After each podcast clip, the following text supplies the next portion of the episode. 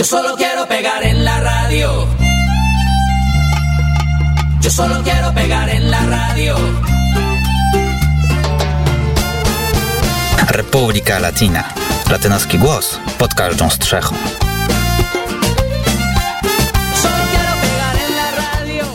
I to jest, drodzy Państwo, absolutnie mój ulubiony jingle, czyli, czyli moja ulubiona zapowiedź muzyczna, muzyczna zapowiedź programu, a w studiu jest Zbyszek Dąbrowski. Mój buenas tardes, mój buenas noches. Nie wiem, czy zauważyłaś, że jeszcze się jasno jeszcze jest. Już coraz dłuższe dni mamy. Mój Buenos Tardes w takim razie.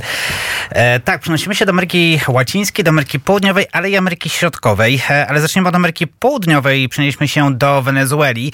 W zasadzie można powiedzieć, że nic nowego, bo e, wspominałem Państwu wielokrotnie o tym, że reżim Maduro powrócił na dawną ścieżkę, czyli na ścieżkę prześladowania opozycji, ale nie tylko tej opozycji, nazwijmy to mm, oficjalnej, partyjnej, ale też e, opozycji związanej z organizacjami pozarządowymi, organizacjami, które walczą na rzecz praw człowieka. E, no i proszę Państwa, e, kolejną ofiarą reżimu, reżimu Maduro jest pani Rocio San Miguel, działaczka organizacji właśnie organizacji pozarządowej na rzecz, działającej na rzecz praw człowieka, która została ostatnio, bodajże we wtorek, zaaresztowana. Za co? Otóż e, jest oskarżana o zdradę, terroryzm i spisek. Jak powiedział prokurator generalny reżimu pan Tarek William Saab, e, jest ona bezpośrednio powiązana z operacją Białej Opaski. Ja powiem szczerze, że nie wiem o co tutaj chodzi. Generalnie mówi się o jakimś takim domniemanym spisku e, potępionym przez rządzony przez reżim ciawistowski mający na celu zamordowanie prezydenta Nicolasa Maduro. Ja powiem powiem szczerze, no rzeczywiście już e, reżim e, wchodzi w taką fazę obłędu, można powiedzieć tak, jak powiedział e, prokurator o pani Rosio San Martin. Jej misją było informowanie w czasie rzeczywistym o postępach działań terrorystycznych, które miały zostać opracowane. Tak czy inaczej, proszę państwa, Rosio San Miguel została aresztowana 9 lutego, kiedy miała wyjechać za granicę ze swoją córką, która również została aresztowana, ale została później zwolniona warunkowo, ale również między innymi aresztowany został pułkownik Alejandro José González, czyli mąż e, i emerytowany e, pułkownik, e, mąż pani Rossio. Został aresztowany tym razem pod zarzutem ujawnienia tajemnic politycznych i wojskowych, ale również i rodzina pani Rossio też została aresztowana, chociaż później też była zwalniana. Natomiast proszę Państwa, o co chodzi tutaj, bo warto wspomnieć o tym, że mm, de facto mm, Większość organizacji pozarządowych e, wenezuelskich potępia tak zwane wymuszone zniknięcia, czyli po prostu aresztowania, czyli po prostu mm, to, że osoba chodzi sobie po ulicy jednego dnia chwilę później znajduje się w e, zakładzie karnym.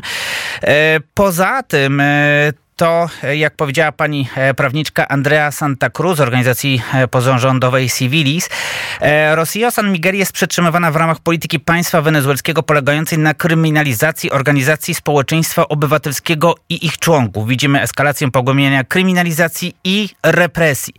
I warto, proszę Państwa, również wspomnieć o pewnym zjawisku, które nosi nazwę drzwi obrotowe. O co chodzi? Otóż chodzi, proszę Państwa, o to, że jak pamiętacie Państwo w ramach ramach e, porozumień z Barbados, e, które teoretycznie podpisały reżim e, ciawistowski i opozycja wenezuelska pod między innymi auspicjami Stanów Zjednoczonych uwalniani mieli zostać więźniowie polityczni. I rzeczywiście można powiedzieć tak, że jedni są uwalniani, natomiast kolejne osoby trafiają do aresztu, kolejne osoby trafiają do, do zakratki. W związku z tym no, mówi się po prostu właśnie, to mamy takie drzwi obrotowe, że generalnie jedni wchodzą, drudzy wychodzą.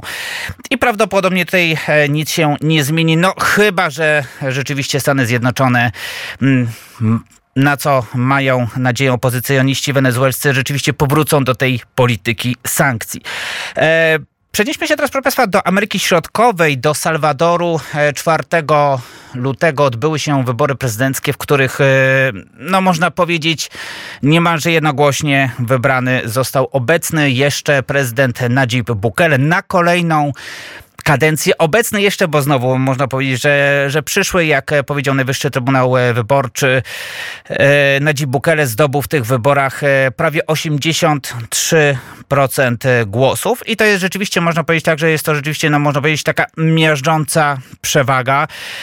Zresztą warto wspomnieć, że Najib Bukele bardzo silnie podbił swój wynik z 2019 roku. Zresztą jak sam zwycięzca wyborów powiedział, w 2019 roku wygraliśmy wybory prezydenckie w pierwszej turze, zdobywając więcej głosów niż wszystkie inne partie razem wzięte, ale w 2024 roku wygraliśmy praktycznie wszystkimi głosami wszystkich partii z 2019 roku, łącznie z nami. Powiedział również, że za zwycięstwo e, dziękuję Bogu i narodowi salwadorskiemu. I rzeczywiście mam, podam Państwu tutaj tak e, w skrócie wyniki pozostałych kandydatów. E, przypomnę, Najib Bukele zdobył 82,66% głosów. Najib Bukele i jego E, partia polityczna, czyli partia nowych idei. Natomiast e, jego, e, jego konkurencja, można powiedzieć tak, drugie miejsce zajęła partia lewicowa Frente Farabundo Martí para Liberación Nacional, czyli ruch imienia Farabundo Martiego na rzecz wyzwolenia narodowego zdobywając zaledwie 6,4% głosów. Dalej prawicowa partia Arena 5,44% głosów, no i partia Nuestro Tiempo niecałe 2% głosów. Dlaczego Nadzib Bukele wygrał? No wiadomo, rządy silnej ręki, walka z przestępczością zorganizowaną, walka z Maras, również budowa olbrzymiego więzienia na ponad 40 tysięcy osób. Salwadorczykom podoba się ta polityka większości Salwadorczyków, może powiedzmy tak. E, wiadomo jest, że Nadzib Bukele łamie również prawa człowieka, że Nadzib Bukele de facto w życiu politycznym wcale nie jest e, takim ideałem. E, jego rządy również skazane są korupcją, nepotyzmem i tak dalej, i tak dalej. No tak czy inaczej e, ta polityka walki z przestępczością na pewno przesądziła i myślę, że jest ona ważna nie tylko dla Salwadoru, ale całej Ameryki Łacińskiej, chciałbym powiedzieć środkowej i łacińskiej. Może powiedzmy tak. Ekwador. Ekwador również nosi się e, z zamiarem referendum. E, to referendum być może e, będzie przeprowadzone w dniu 21 kwietnia tego roku. Tak zarządziła Krajowa Rada Wyborcza Ekwadoru i proszę Państwa, Ekwadorczycy w tym referendum mają odpowiedzieć na e, kilka pytań. Między innymi mówi się tutaj o propozycji reformy artykułu 158 Konstytucji podnoszącą możliwość wsparcia policji przez siły zbrojne w walce z przestępczością zorganizowaną. To jest jeszcze inicjatywa, którą zaproponował były prezydent kraju Guillermo Lasso. Ponadto również mamy takie pytania, które dotyczą takich kwestii jak ekstradycja Ekwadorczyków. No oczywiście yy, skazanych e, przez wyrok sądowy, utworzenie wyspecjalizowanych sądów w sprawach e, konstytucyjnych, arbitraż międzynarodowy i umowy o pracę.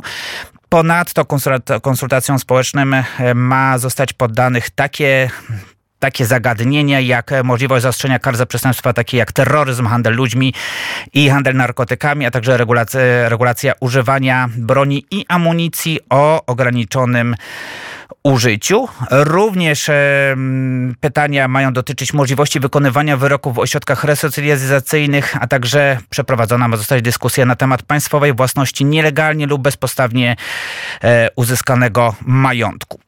Czy się to referendum odbędzie, zobaczymy w kwietniu. Proszę Państwa, Kolumbia. E, w Kolumbii istnieje taka organizacja o nazwie, instytucja w zasadzie o nazwie Defensor del Pueblo, czyli jest to, można powiedzieć, taka kolumbijska wersja Rzecznika Praw Obywatelskich. Ten urząd e, pełni obecnie pan Carlos Camargo, e, który ostatnio wezwał Armię Wyzwolenia Narodowego, czyli ELN, do przedstawienia dokładnej listy osób, które pozostają pod jej władzą jako zakładnicy, zgodnie ze, ze zobowiązaniem grupy, powsta- grupy powstańczej, może nie powstańczej, ale partyzanckiej czy terrorystycznej nawet wręcz, do powstrzymania się od porwań, podczas gdy e, niedawno e, na podstawie, może powiedzmy inaczej, na podstawie drugiego, dwustronnego zawieszenia broni zawartego z rządem Gustavo Petro, e, pan Camargo podkreślił, że instytucja, którą kieruje, dysponuje środkami i możliwościami państwa, aby monitorować te osoby i ułatwić ich ostateczne uwolnienie.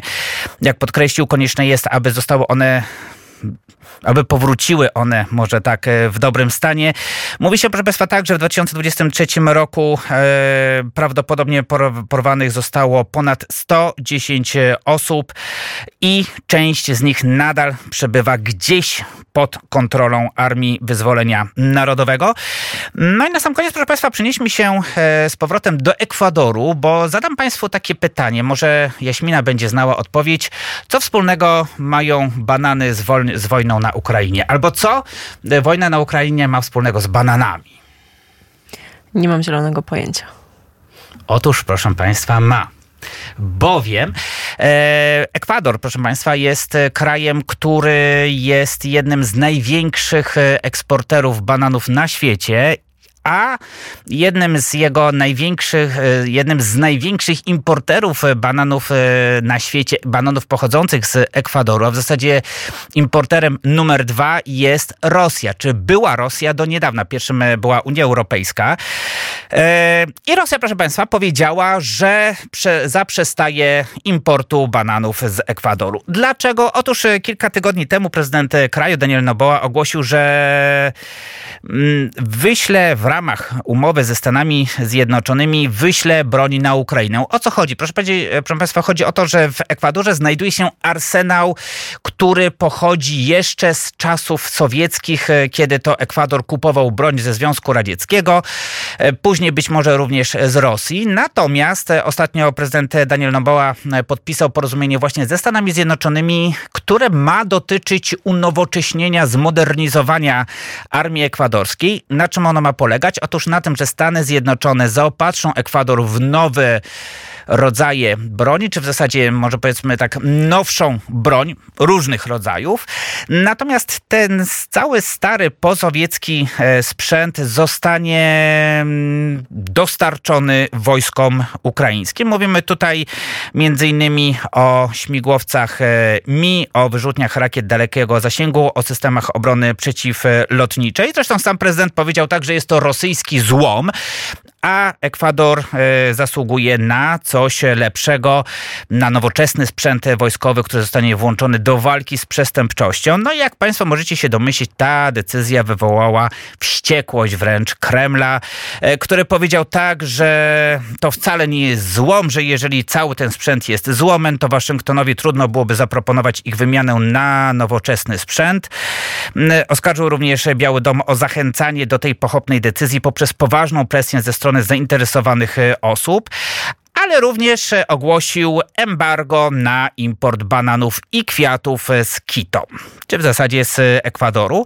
E, o co chodzi? Otóż Moskiewska Służba Nadzoru Weterynarnego i Fitosanitarnego dostrzegła po raz pierwszy od nie wiem jakiego e, długiego czasu, że e, w bananach pochodzących z Ekwadoru znajdują się larwy lub też osobniki dorosłe tak zwanej muchy garbatej. To jest taka mucha o nazwie łacińskiej Megaseria scalaris, która chyba nie wiem, czy w polskim. Naz- no, ona się nazywa, powiedzmy tak, ta, ta muszka nazywa się właśnie muchą garbatą. To jest taka nazwa, powiedzmy, yy, zwyczajowa.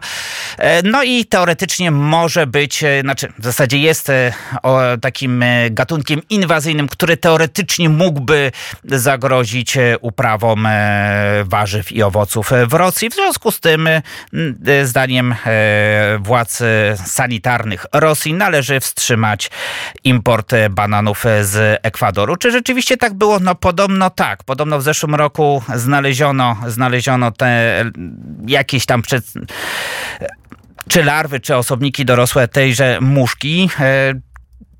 Tak czy inaczej, e, minister produkcji Ekwadoru, pani Sonsoles Garcia, zapewniła, że nie była to odpowiedź na wspólne oświadczenie Waszyngtonu i Quito, bo ponieważ gdyby doszło do prawdziwego odwetu, zawieszono by pochodzenie owoców, co do tej pory nie miało miejsca. Tak czy inaczej, proszę Państwa, jeżeli wspieramy e, stronę ukraińską w konflikcie zbrojnym, to jedzmy również banany ekwadorskie. I o tym mówił, drodzy Państwo, Zbyszek Dąbrowski, gospodarz studia e, Republika Latina, Tres por Tres. Zapraszam na dzisiaj na godzinę 19, gdzie więcej będzie takich ciekawostek. Dokładnie, więc na pewno warto zostać razem z nami.